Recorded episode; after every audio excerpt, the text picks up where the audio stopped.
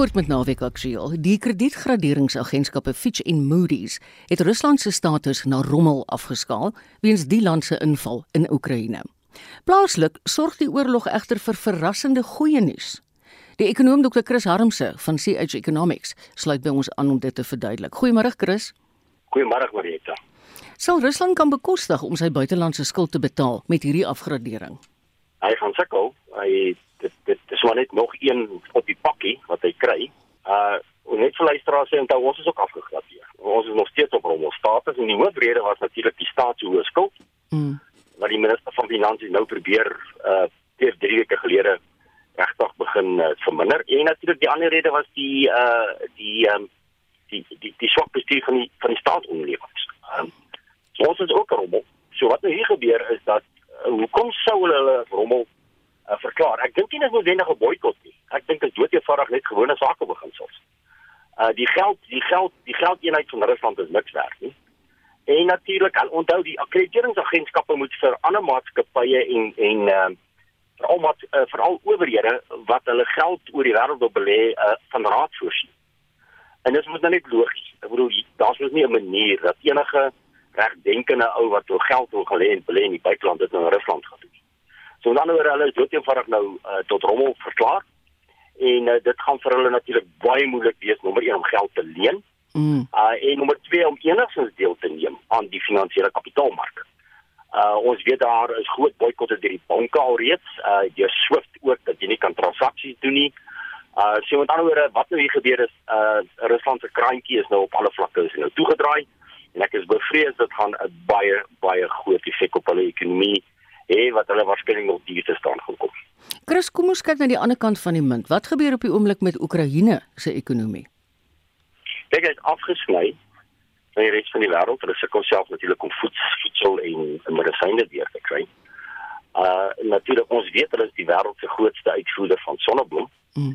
Uh en ons weet hoe jy dit nou net gesê, koringpryse styg en natuurlik ook mielies.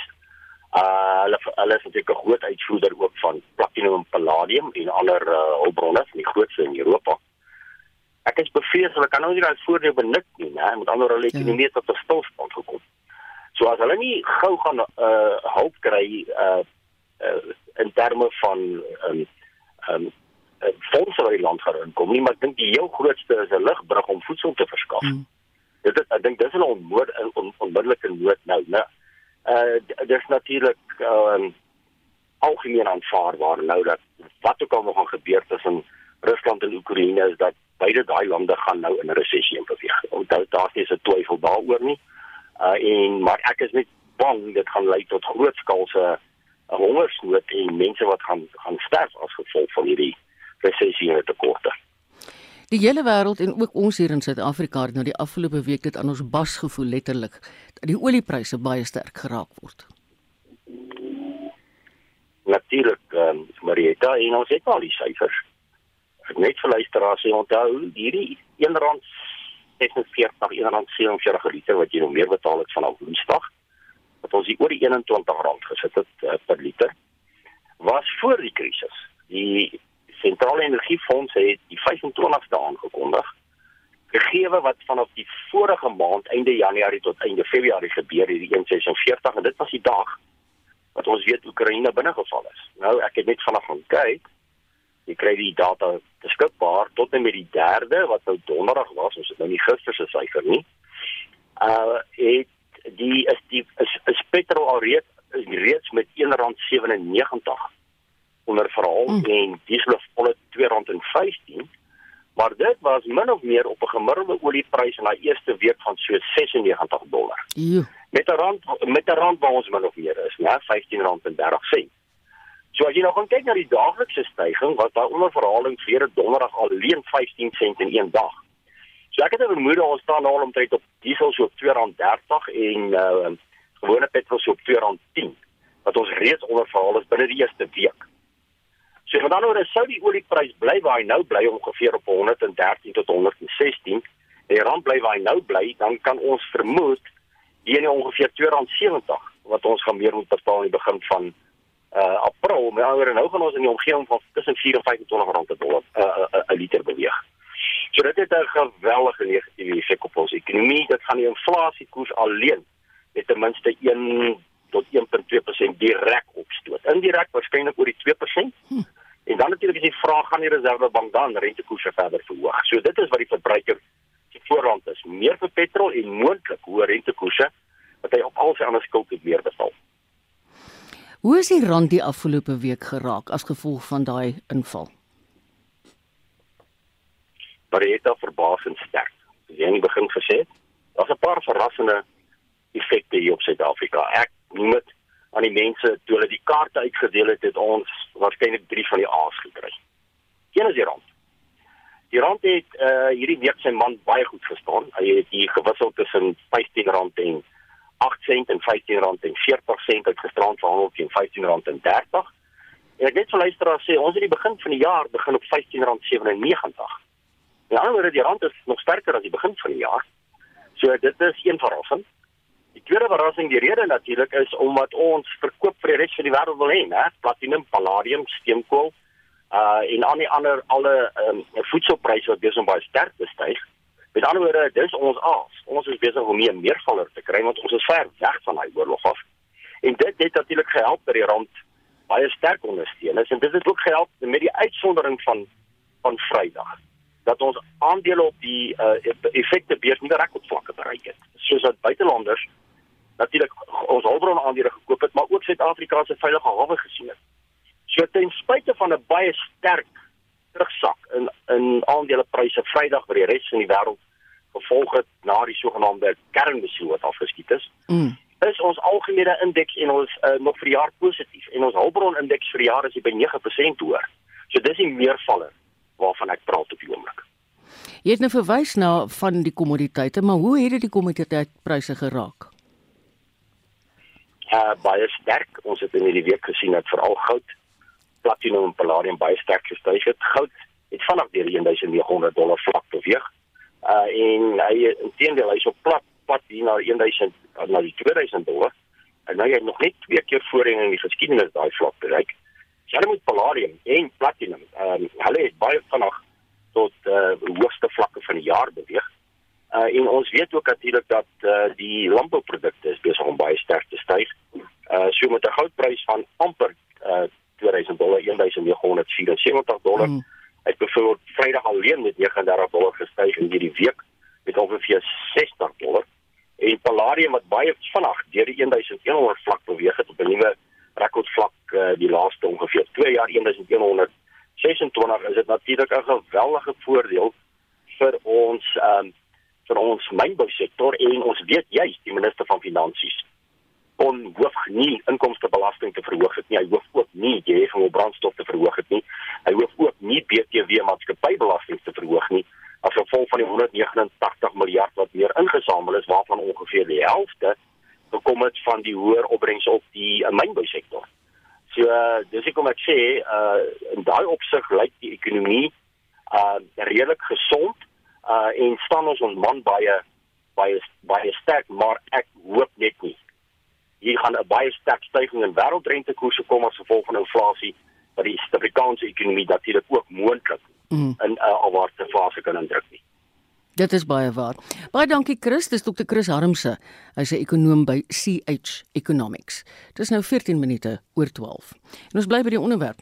Die internasionale koringprys het die hoogte ingeskiet soos ons nou ook gehoor het, sedert Rusland se inval in Oekraïne en die onsekerheid het toegeneem daarmee saam is hawens in Oekraïne gesluit en het die weste ekonomiese sanksies teen Rusland ingestel.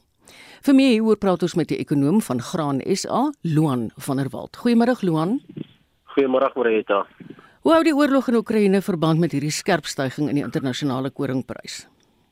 Ja, Marita, kyk na die rol wat uh, Oekraïne en dan nou Rusland in die internasionale koringmark speel spesifiek nie. So beide hierdie lande is baie groot produseerders van koring en dan nou ook um, altyd top 10 produseerders van koring in die wêreldkonteks en dan nou ook baie groot uitvoerders nê. So Oekraïne is aan die een kant nou 'n groot uitvoerder, maar dan nou ook so Rusland. En so Rusland is die is die grootste koring uitvoerder in die wêreld.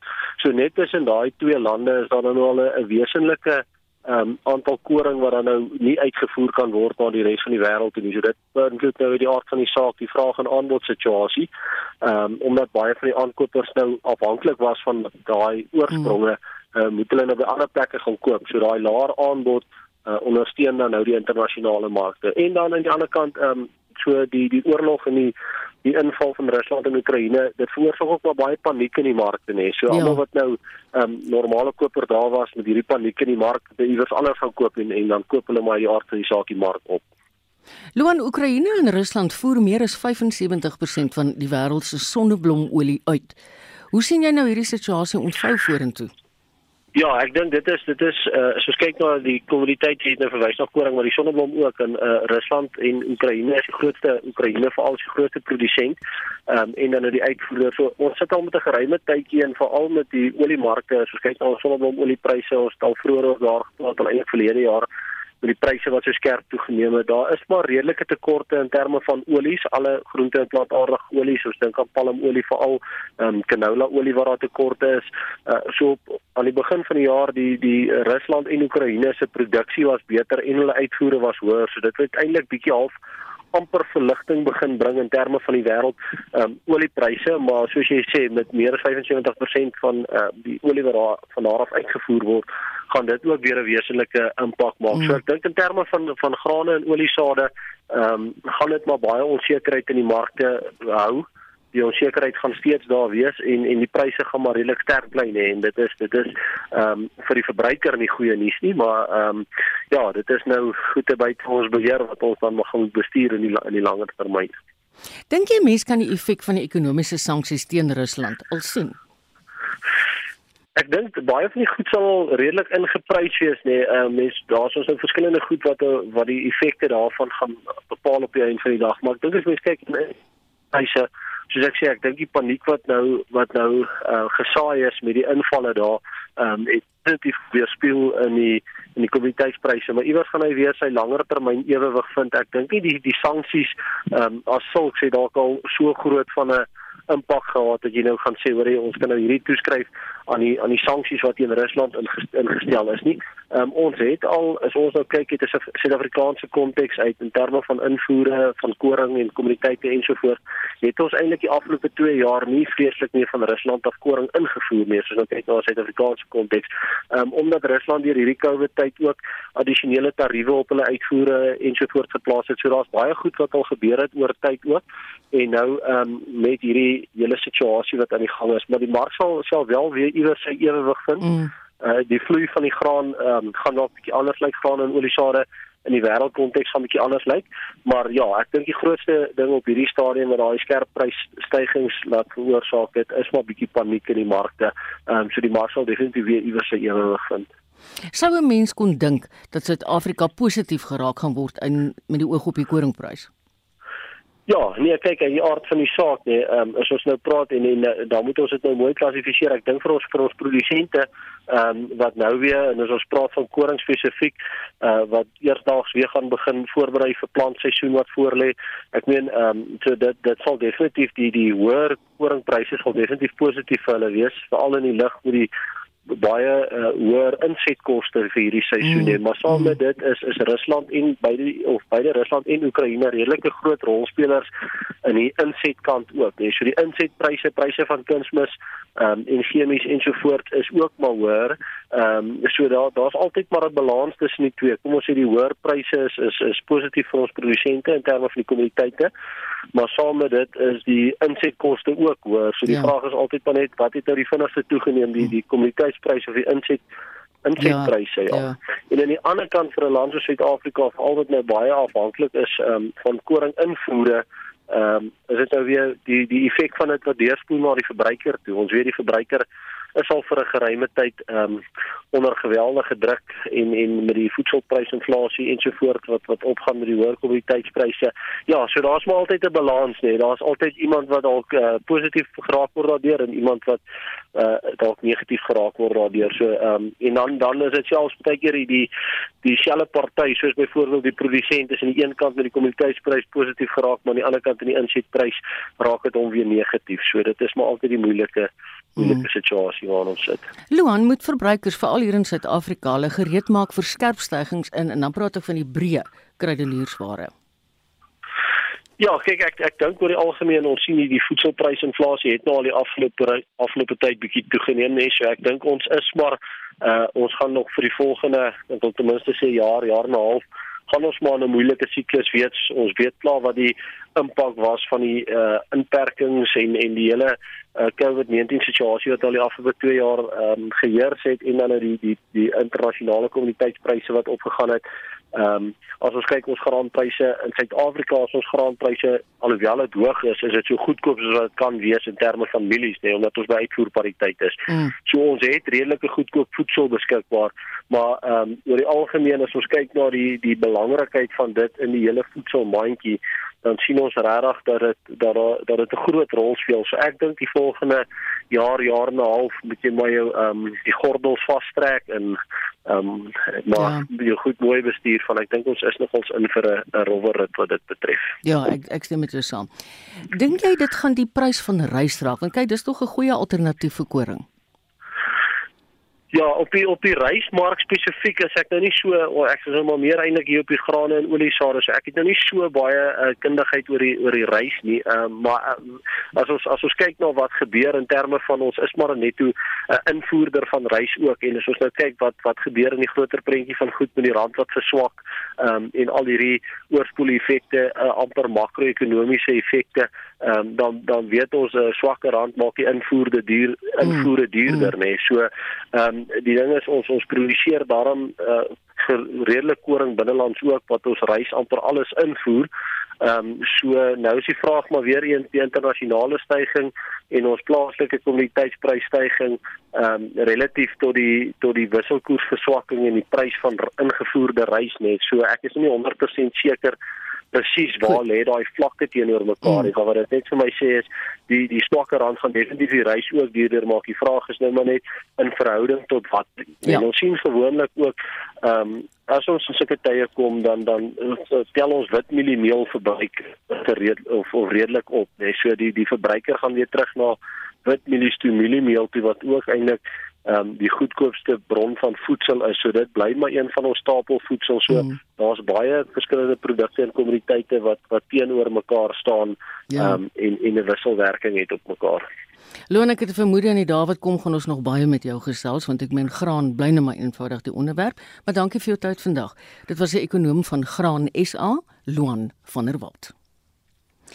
Nou iets heeltemal anders, maar dis ook 'n onderwerp waar ons nou al vir 2 jaar kom.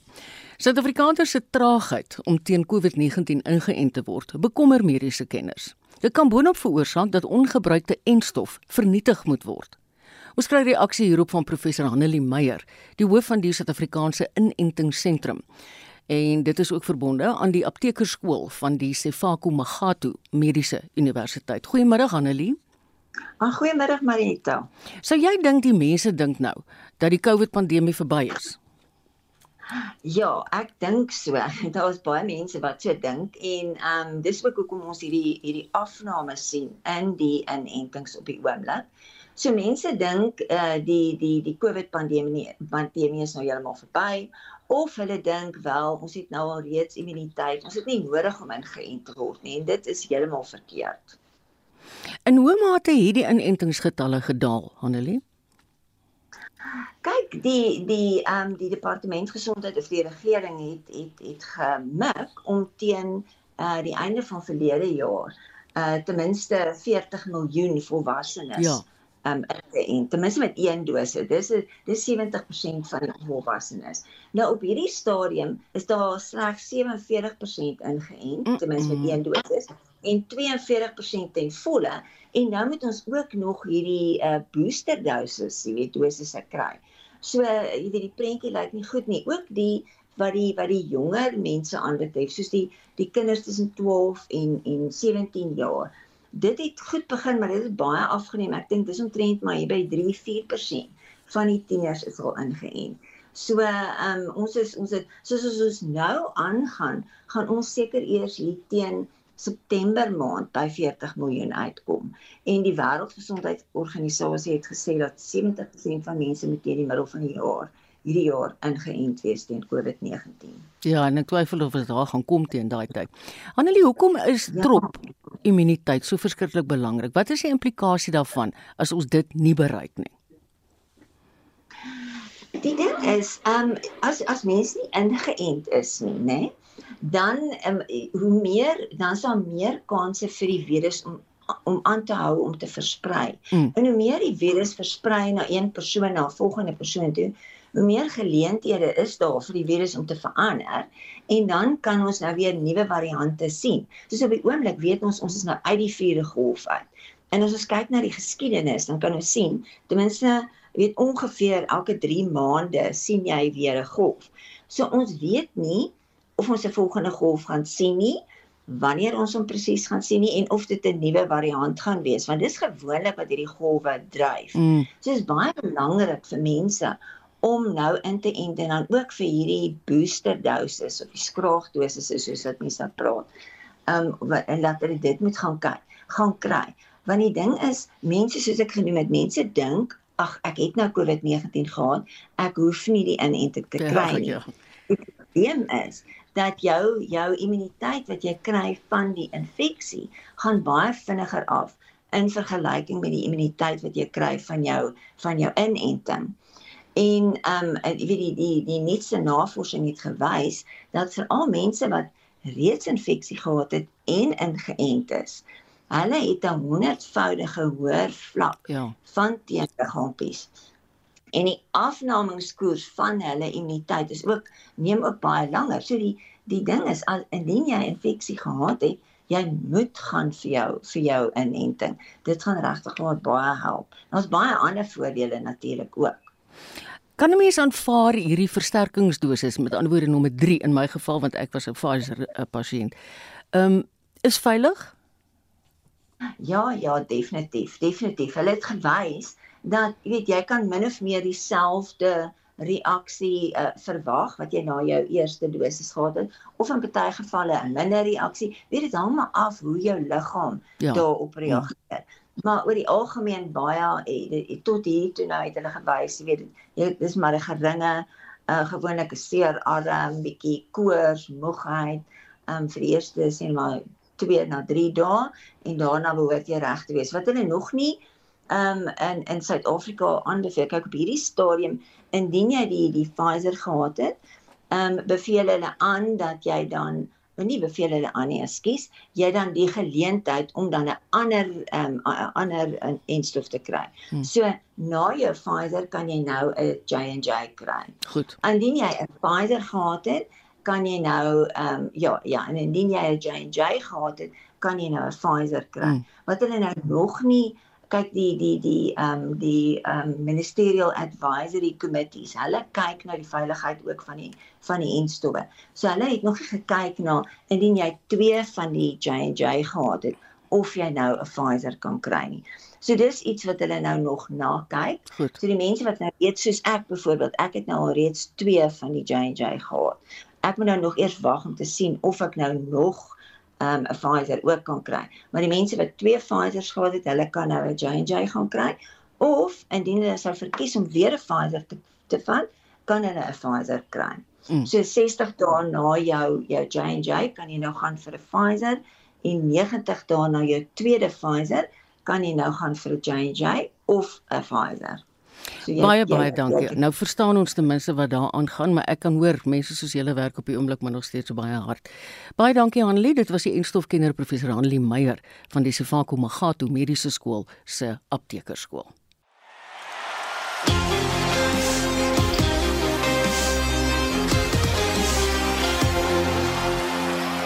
Ek hoop van harte oor 'n naweek is tyd nie vir jou so belangrik nie, maar sou dit wees, dis nou 0.5. Die Nasionale Sokkerondersteunersvereniging NAFSA sê hulle pleidooi aan die Suid-Afrikaanse Sokkervereniging en ander rolspelers om stadions teen volle kapasiteit vir toeskouers oop te maak vir wedstryde val op dowe ore. Die organisasie het vroeër die week met die bestuur van die Premier Sokkerliga vergader en betoog vandag oor die saak buite die Orlando Stadion in Johannesburg. Vincent Mofokeng het meer. Die bedryfshoof van Nafsa, Siabulela Loilane, sê lede sal vandag 'n vreedsame optog by die Orlando Stadion hou waar Orlando Pirates en Kaizer Chiefs aan die bekende Soweto Derby kragte meet. Die betoging is daarop gemik om te eis dat sokkerbelanghebendes toeskouers weer toelaat om teen volle kapasiteit in stadions te wees wanneer wedstryde gespeel word. Loilane sel pogings kom sedert 2020.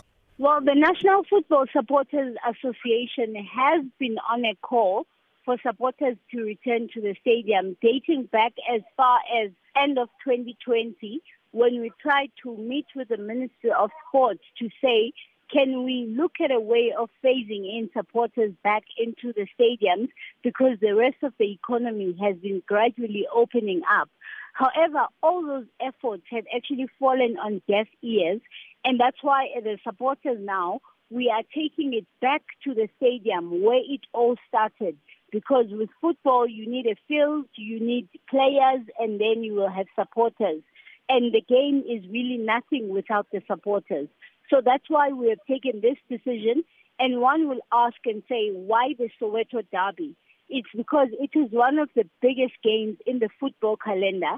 Sokkerliefhebbers word nou al vir 2 jaar beperk om regstreekse plaaslike sokkerwedstryde in Suid-Afrika by te woon weens streng COVID-19 regulasies. Nou sal lede van die Nasionale Sokker Ondersteuningsvereniging 'n memorandum van eise aan die betrokke rolspelers tydens die Soweto Derby oorhandig. I know this question of COVID 19 has actually come up quite a number of times. However, our argument is that the same supporters are the people who wake up and go to work at the different companies, who go to retail. When a pick and pay has got a COVID case, they just close for a few hours to spray and then they go back to business. Malls, the same people that go to malls are the same supporters. So you can't say now COVID 19 is only at the football stadiums, but it's not everywhere else. And also, the rest of the economy, as I have stated, is actually open. So, why not open up the stadiums for football supporters? And if you look as well at other sporting codes, we've been seeing pictures uh, roving around social media where they have been at stadiums. Case in point, this past weekend at Bidvest Stadium, that is a football stadium. It was packed to capacity with varsity games, and no one questioned in terms of the numbers that were there. Loilane is van mening dat die beperkings die lewensbestaan van handelaars wat goedere tydens wedstryde verkoop en sekuriteitpersoneel by stadions in gedrang plaas. We're very excited about this game and the excitement also is met with frustration because we cannot be inside the stadium to actually watch this game. And that's why, as supporters, we're hoping that our protest is going to reach the powers that be so that they can actually come together and work together in ensuring that football supporters are back at the stadium. Yes, it's open up for the number 2,000, However, the number 2,000 as well is not enough because who are you then going to give tickets to and not give tickets to? There's sponsors' obligations, there's different obligations that have to be met in terms of actually having people at the stadiums. And also, the football economy has completely collapsed because supporters are not at the stadium. Dit was die bedryfshoof van die Nasionale Sokker Ondersteuningsvereniging, Siabulela Loilane. Akas Vincent Mufokeng vir SAI nuus. Een van stadions na die volgende storie vir baie van ons luisteraars word Saterdag gespel soos sport. en Pieter van der Berg sluit by ons aan met die jongste nuus aan daai front. Hallo Pieter. Daar's hy maar, sê Marita. Die eerste van 3 Karibieke rugbywedstryde is gisterand beslis en wat beteken dit dat daar nog 2 oorbly? Ja, jy is 100% reg. Daar die wedstryd gisteraan die Haie, hulle het hulle wenloopie voortgesit en hulle het in die Mbombela stadion het hulle met die Pumas afgereken. Hulle was rustyd met uh, eh, 12-10 voor en die eindtelling daar uiteindelik 24-10. Nou Boeta Chamberlain, hy was uh, baie in die kol gewees met sy skopvoet gewees en hy het sommer uh, nie minder nie as 8 strafdoele wat hy deur die palle gejaag het. Dan vandag is daar twee wedstryde. Dit is in Kimberley, Griquas wat speel teen die Bulls. Nou Griquas, hulle is uh, vierde op die punte leer, die Bulle, hulle is derde op die punte leer. Daardie wedstryd begin om 0:30 vanmiddag en Dion Skuman sal gereeld verslag doen oor die wedstryd. En dan in Bloemfontein is dit uh, die Vrystaat wat tweede op die punte leer is. Hulle speel teen die Lions. Daardie wedstryd begin dan om 5:00 en aan maandag is daar 'n hele klompie basketbeker wedstryde wat ook voortgesit word. Ooh, dis goed. Kyk as ek in my lewe nou al opgewonde was oor motorfietswedrenne, dan is dit nou hierdie jaar. En die rede is ja. natuurlik ons twee Suid-Afrikaanse binderbroers wat saam in die MotoGP afdeling jag. Ja, weet jy, ek dink uh, wat uh, MotoGP al betref was daar lanklaas in Suid-Afrika soveel mense wat ja. uitsien na hierdie seisoen en uh, nou ja, dis 'n lang seisoen. Hy strek tot op 6 November. Ehm um, en uh, soos jy sê, die twee binderbroers, hulle is saam in die MotoGP afdeling. Onthou Darren is verlede jaar van Moto3 is hy van van jaar bevorder na MotoGP toe en uh, hulle ja, saam nou kom ons loer net vanaand wat het gister in die tweede oefensessie gebeur. Alex Rins, hy was soos in die eerste oefensessie, was hy die vinnigste op sy Suzuki geweest en uh, dan 'n uh, tweede vinnigste te maak Marquez want natuurlik na 'n jaar en uh, ek wou amper sê jare na ons baie ongeluk uh, probleme wat hy gehad het en beserings is hy behoorlik terug. Hy was op sy Honda daar tweede vanste en Joe Mir hy was op sy Suzuki derde vanste die twee Suid-Afrikaners Brad Binder hy kon nie die 15de van sy tyd gister daar opstel op sy KTM en dan sy broer Darren Binder wat nie tussen hierdie afdeling soos ons sê hy was 24ste vanste die kwalifikasie vind vanmiddag plaas en dis natuurlik vir die wegspringrooster wat uh, môre uh, hierdie omgewing van 5 uur Suid-Afrika kans dat hy die hoofwedren dan begin. Joen, ons hou vir hulle duim vas. Die drie golftoernooie wat jy dophou, het nou reeds hulle halfpadmerk bereik. Watter name sien jy heel bo aan die voorlopersbord? Ja, Marita, ek moet sê in Bloemfontein uh, natuurlik die weer wat in rondte 1 en 2 so 'n bietjie ingemeng het, weerlig en die dinge, die manne moes gereeld die baan verlaat, maar Enje Viljoen, hy is met 2 oor voor na afloop van die tweede ronde, hy's op 1500 syfer en hy het gister 'n pragtige 63 gespeel. Uh, Pieter Moelman, Justin Walters en Luke Jelling, hulle is daar almal daar op 1300 en uh, gesamentlik dan in die tweede plek. Die derde ronde het reeds begin en die man wat die beste vaart daar, Wilco Ninaber, hy's 200 vir die dag, maar hy is so in algeheel dan uh, daar in die 13de posisie op 1000. Dan beweeg ons na die toernooi in Kenia en uh, dit is die uh, Keniaanse Ope en daar is dit uh, Ferguson uh, vir uh, die voorloper van Skotland. Hy's op 10 onder syfer, uh, ook reeds besig met die derde ronde. Hy het sopas die derde puitjie daar voltooi en die besgeplaaste Suid-Afrikaner, Dean Bumester, hy uh, speel tans die sesde puitjie en hy is daar op uh, 700 syfer. Dan in Amerika is dit die Arnold Palmer uitnodiging. Victor Hoffman, hy's met 2 houe voor op 900 na afloop van die tweede ronde, 66 wat hy gespeel het daar en hy is uh, dan uh, twee houe voor Daryl Hatton, uh, Taylor Gooch en uh, Rory McIlroy wat almal daar op 700 syfer is. Ek moet sê daai baan in Kenia lyk al mooi hè pragtig. En wie mens kan nie glo dat dit so groen is nie. Ek bedoel die tyd van die jaar jy weet dele van Kenia pragtig maar daardie golfbaan beslis baie aandag geniet vir hierdie Europese toernooi. regtig dit beïndruk my. Maar 'n ander ding wat my baie beïndruk en ek oorweeg gesels om nou snags wakker te bly is die vroue se cricket wêreldbeker. Jammer van die ongelukkige tyd wat hulle dit uitsaai want hulle speel dit in Nieu-Seeland. En ons eie Proteas as ek reg is was baie gelukkig. Is ek reg Mm, ja, weet jy, hulle het nie baie hoë telling nie. Weet hulle is tweede gekeur in die wêreld. Nie baie hoë telling daar gestel Suid-Afrika nie 207 en onthou Bangladesh is uh, een van uh, die enigste nuwe span van die 12 spanne wat in vanjaar se wêreldtoernooi speel of wêreldbeker dan. En uh, ek moet sê uh, Suid-Afrika uitgeknikker vir 207, nie baie verskriklike mm. goeie tellings nie, maar mm. gelukkig Ayabonga, uh, kyk as sy het vier paaltjies uh, plat getrek vir net 32 lopies en dan 10 balbeurte en dit het Bangladesh dan beperk tot 175 en uiteindelik uiteindelik dan 'n goeie oorwinning vir Suid-Afrika met 32 lopies en uh, natuurlik speel ons uh, eerskomende Vrydag in ons uh, volgende wedstryd. Ek dink is reg onthou teen Pakistan.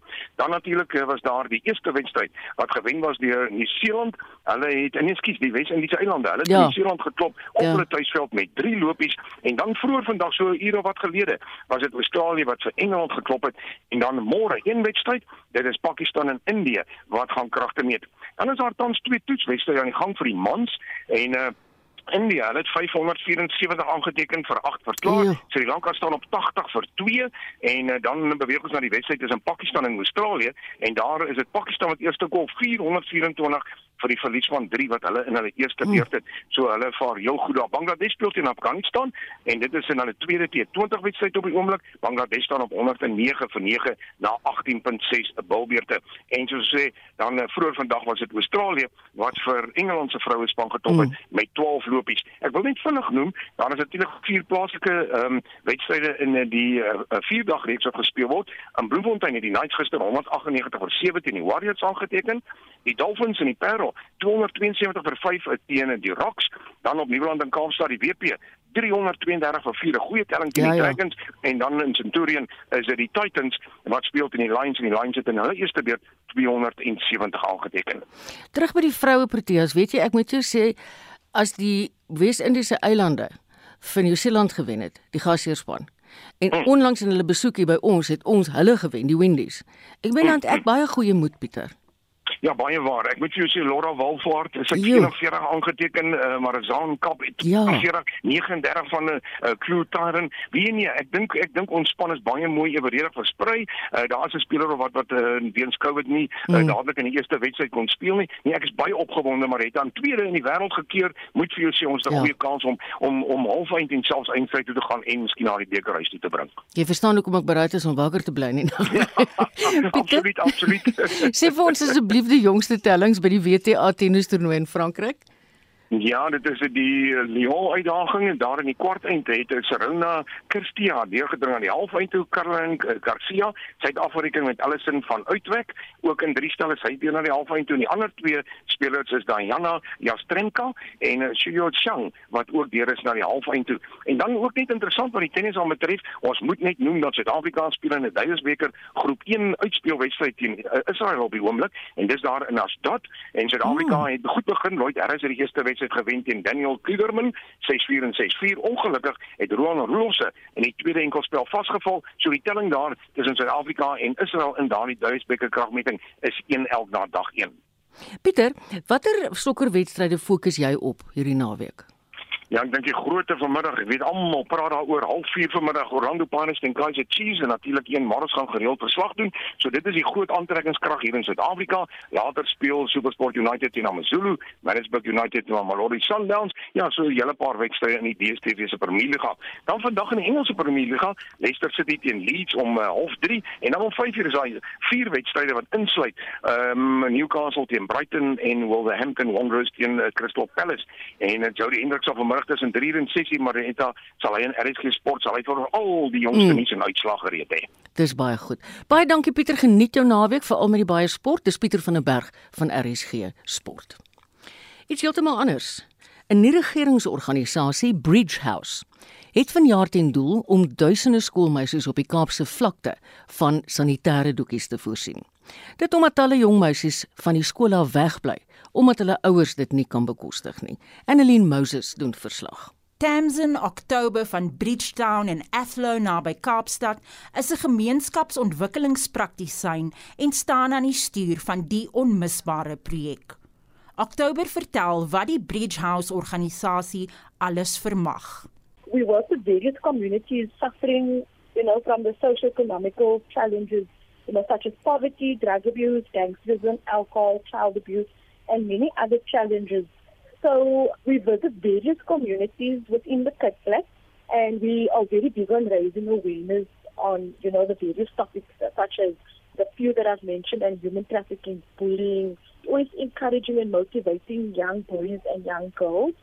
And the Insanity House was always a passion of myself personally and then which the organization also implemented. Sy sê hulle reik uit na die meisies en volg 'n holistiese benadering wat meer as net sanitêre doekies insluit. I mean the process of getting 2022 packs so they were distributed to various schools so as much girls as I can. Uh, in last year alone at every event we distributed over 2000 packs so I want to double that I want to just go bigger because we exist to bring to aim and develop and change mindsets and you know just give young girls a sense of dignity and also teach them about hygiene and also looking after your body as well. Oktober wat 'n stryd gevoer het teen fibroïde wat lei tot 'n swaar menstruele siklus, sê die projek haar na aan die hart. I used to go through a pack of sanitary towels like within one day because of the heavy flow that I had. And for me personally, I couldn't afford buying all the time. And then it made me also realize how many other young women are going through the same that cannot afford a pack of sanitary towels. I mean, I was suffering for five years with this before the gynecologist decided that I need to go for an operation. And today I still don't have any children, but it was just something that I needed to know to raise awareness about. And since March month also being endometriosis month as well. So I'm in the process of just assisting another organization while we are raising awareness and doing talks and just trying to be a motivation and encouragement for other women. Sy sê die nood is groot en die meisies se gesigte verhelder wanneer hulle die sanitêre doekies ontvang.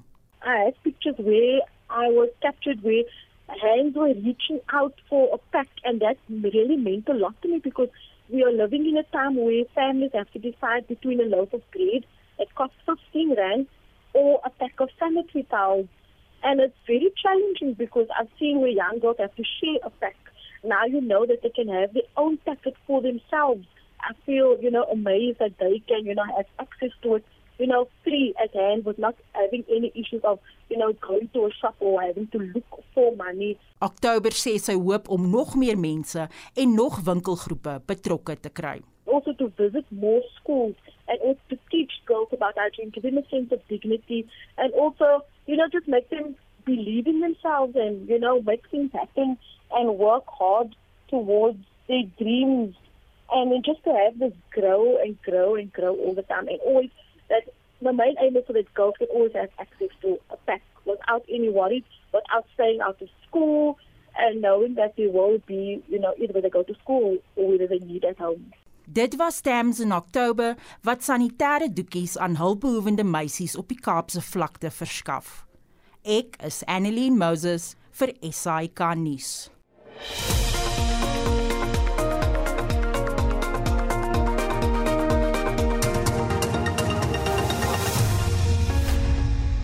Jy is ingeskakel op RC. Jy luister na die program Naweek Aktueel en dit is nou op pad na 10 voor 1. In ons weeklikse motorrubriek bespreek Wessel Pretoria se verlede maand se voertuigverkope.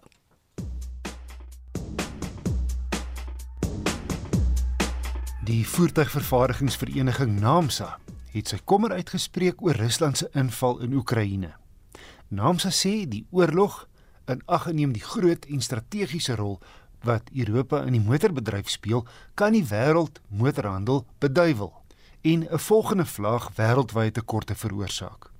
Dit in die lig van die mikroskyfie en ander onderdeeltekorte wat die pestilensie sedert 2020 veroorsaak het. Talle van die wêreld se grootste vervaardigers het reeds uitvoere na Rusland asook vervaardiging in die land stopgesit. Rusland, met sy bevolking van sowat 146 miljoen mense, is die wêreld se agste grootste motormark. Oekraïne, met 'n bevolking van rondom 43 miljoen mense, is 'n onderdeelverskaffer aan Europese motorvervaardigers. En die uitvoerkraan is nou toegedraai en verskeie aanlegte moes haltroep. Verder is olie en aluminiumpryse wêreldwyd aan die styg. Ek het voorheen berig oor die impak van die mikroskyfie tekorte op verkope in Suid-Afrika. Veral die plaaslik vervaardigde Ford Ranger bakkie, voorheen altyd in die top 5, word kwaai geraak. Verlede maand is net 879 eenhede verkoop. 4 keer minder as die topverkoper, die Toyota Hilux. Februarie verkope was bemoedigend, net oor die 44200. Dis 18,4% hoër as verlede jaar Februarie se verkope. Toyota was losaan in die topverkoper. Trouwens, hy spog met 'n markandeel van 30,4%.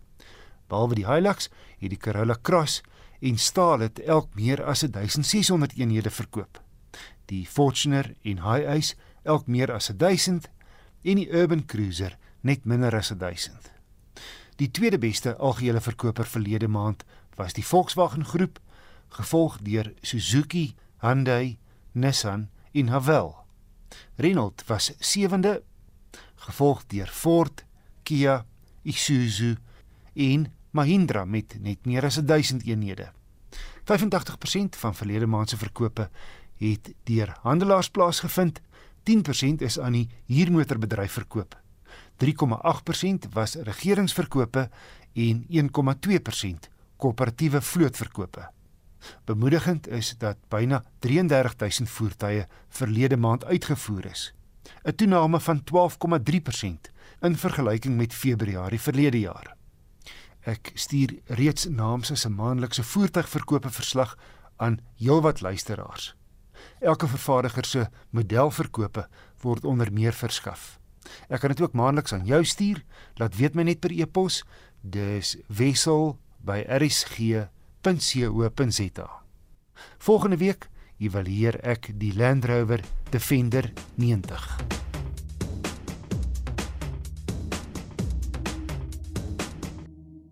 En daai wissel is natuurlik Wissel Pretoria. Nou terug na ons hoofstorie van die dag, naamlik Oekraïne en Rusland.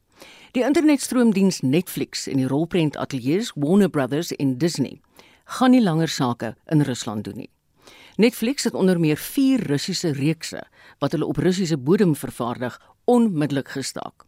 Verskeie Hollywoodsterre het hulle ook nou in die stryd gewerp en Vladimir Putin se oorlog gekritiseer. Anne Marie Jansen van Vuren berig. 'n dosent in rolprentwese by die Vanderbijl Park kampus van Noordwes Universiteit, Phil Pretorius, sê die internasionale vermaaklikheidsbedryf se reaksie op die Russiese aanval was effe traag. Die Europese Filmakademie het eintlik die vinnigste gereageer toe hulle saam met die Oekraïense Filmakademie gestaan het aan hulle boikot teen Russiese films, maar YouTube het redelik vinnig gespring toe hulle die Russiese nuuskanale RT en Sputnik geblok het. En dit het hulle gedoen in hulle poging om Putin te probeer blok van sy kommunikasiekanale, dit 'n bietjie te probeer verminder in wat hulle noem sy Kremlin media machine. Nou ja, die Britse handelsliggaam Pact wat so ongeveer 700 TV-produksiehuise verteenwoordig, hulle het gevra dat al hulle werksamehede met Rusland gestaak sal word. Die Stockholm en die Glasgow filmfeeste dan ook al hulle Russies vervaardigde films verwyder van hulle programme af. Die internasionale rolprent en televisiemark wat as MEP TV bekend staan, het al ook sterk teen Rusland uitgespreek. Pretoria sê hy twyfel of Russiese vervaardigers die mark wat die eerste week van April plaasvind, sal kan bywoon. Aangesien die TV-mark 'n uh, Franse eienaar het, vermoed ons dan ook dat hulle nie die Kaan TV-mark sal bywoon hierdie jaar nie. Bekendes in Hollywood het hulle ook intussen aan Oekraïne se kant geskaar. Angelina Jolie het also 'n bietjie uitgespreek daaroor en Ashton Kutcher, wie se vrou Mila Kunis se geboorteland Oekraïne is, het gesê dat hy glad nie ingenome is met die oorlog nie. Sean Penn, of mense nou van hom hou of nie, hy het onmiddellik op 'n vliegtuig geklim en Kiev toe gevlieg om 'n dokumentêre program te gaan maak en sal nou maar sien wat daarvan uitkom en hoe vinnig die dokumentêre program die lig gaan sien. Dan ook Stephen King wat gesê het dat mens staan mos op teen boelies en al kry jy dan 'n hou op die neus jy staan nog steeds op teen boelies want dit is hoe jy geleer is.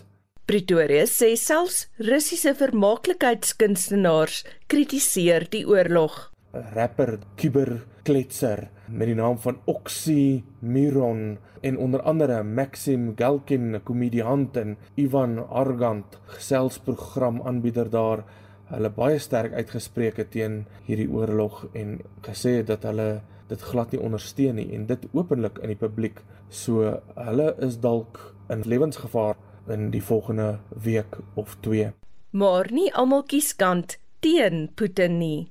Die Russiese dirigent Valery Gergiev wat die hoof is van die Marinsky Theater in St. Petersburg wat ook dan onlangs uit sy program uit uitgeskop is vir die Weense Filharmoniese Orkees wat in New York se Carnegie saal sou optree dit is omdat hy dan 'n Putin simpatiseerder is en natuurlik wil almal op hierdie stadium hê dat almal wat enigsins met Rusland of Putin te doen het, dit moet ontken en dan sal hulle moontlik daarmee wegkom. Maar watter invloed sal die vermaaklikheidskunstenaars werklik hê? Pretorius gee sy mening. Ja, mense sal nou dink dat hulle nie veel mag het nie, maar baie keer dink mense nogal hulle het meer mag as die politici. Of is dit nou eintlik net vir die show dat hulle nou hulle self uitspreek hier teenoor? As mens kyk na die humanitêre werk wat hulle doen, kom mens agter dat hulle baie keer baie groot invloed het in die wêreld en mens kyk na die Jolies en die DiCaprio's en en die invloed wat hulle het en as kyk na Sean Penn byvoorbeeld dit wat hulle doen in die derde wêreldlande veral is, is tog van onskatbare waarde. En as mense nou vergelyk na die boikot wat byvoorbeeld plaasgevind het in die apartheidsera in Suid-Afrika dit het tog die vermaaklikheidsbedryf baie seer gemaak daai tyd. En ons dink dan ook aan die Hollywood rooi gevaar daai era van kommunisme wat almal wat 'n snaakse naam gehad het of sy naam nie reg uitgespreek is nie jy weet aangevat is en gedaag is voor komitees en en uit die land uit gesit is. Dit was nogal 'n baie moeilike situasie. So van daai oogpunt af dink ek het die vermaaklikheidsbedryf die kanaal, die kommunikasie moontlikheid en natuurlik die ster status om nogal op te staan en hulle stem dik te maak en te doen wat ander nie kan doen nie. En ek dink van daai oogpunt af het hulle verantwoordelikheid om hulle uit te spreek teenoor oorloë en etiese kwessies soos hierdie. Vol Pretorius, 'n rolprentdosent van Noordwes Universiteit en ek is Anne Marie Jansen van Vuren vir SAK nuus. In taaldinge praat ons oor taal. Ons praat oor Afrikaans. Die dinge wat gebeur en die dinge wat ons raak. Ons praat oor woordsoorte en uitdrukkings, oor norme en standaarde en variëteite. Soms praat ons ook politiek. Taaldinge Sondagoggende net na die 11uur nuus saam met my Ina Strydom.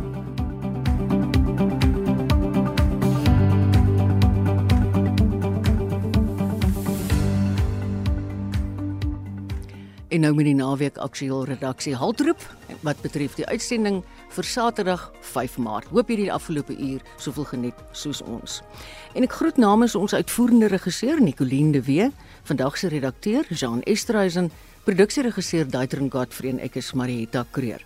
Ek hoop jy geniet die hele naweek in die geselskap van RSG. Sondag is daar 'n geweldige, interessante en goeie aanbod programme. Mooi bly.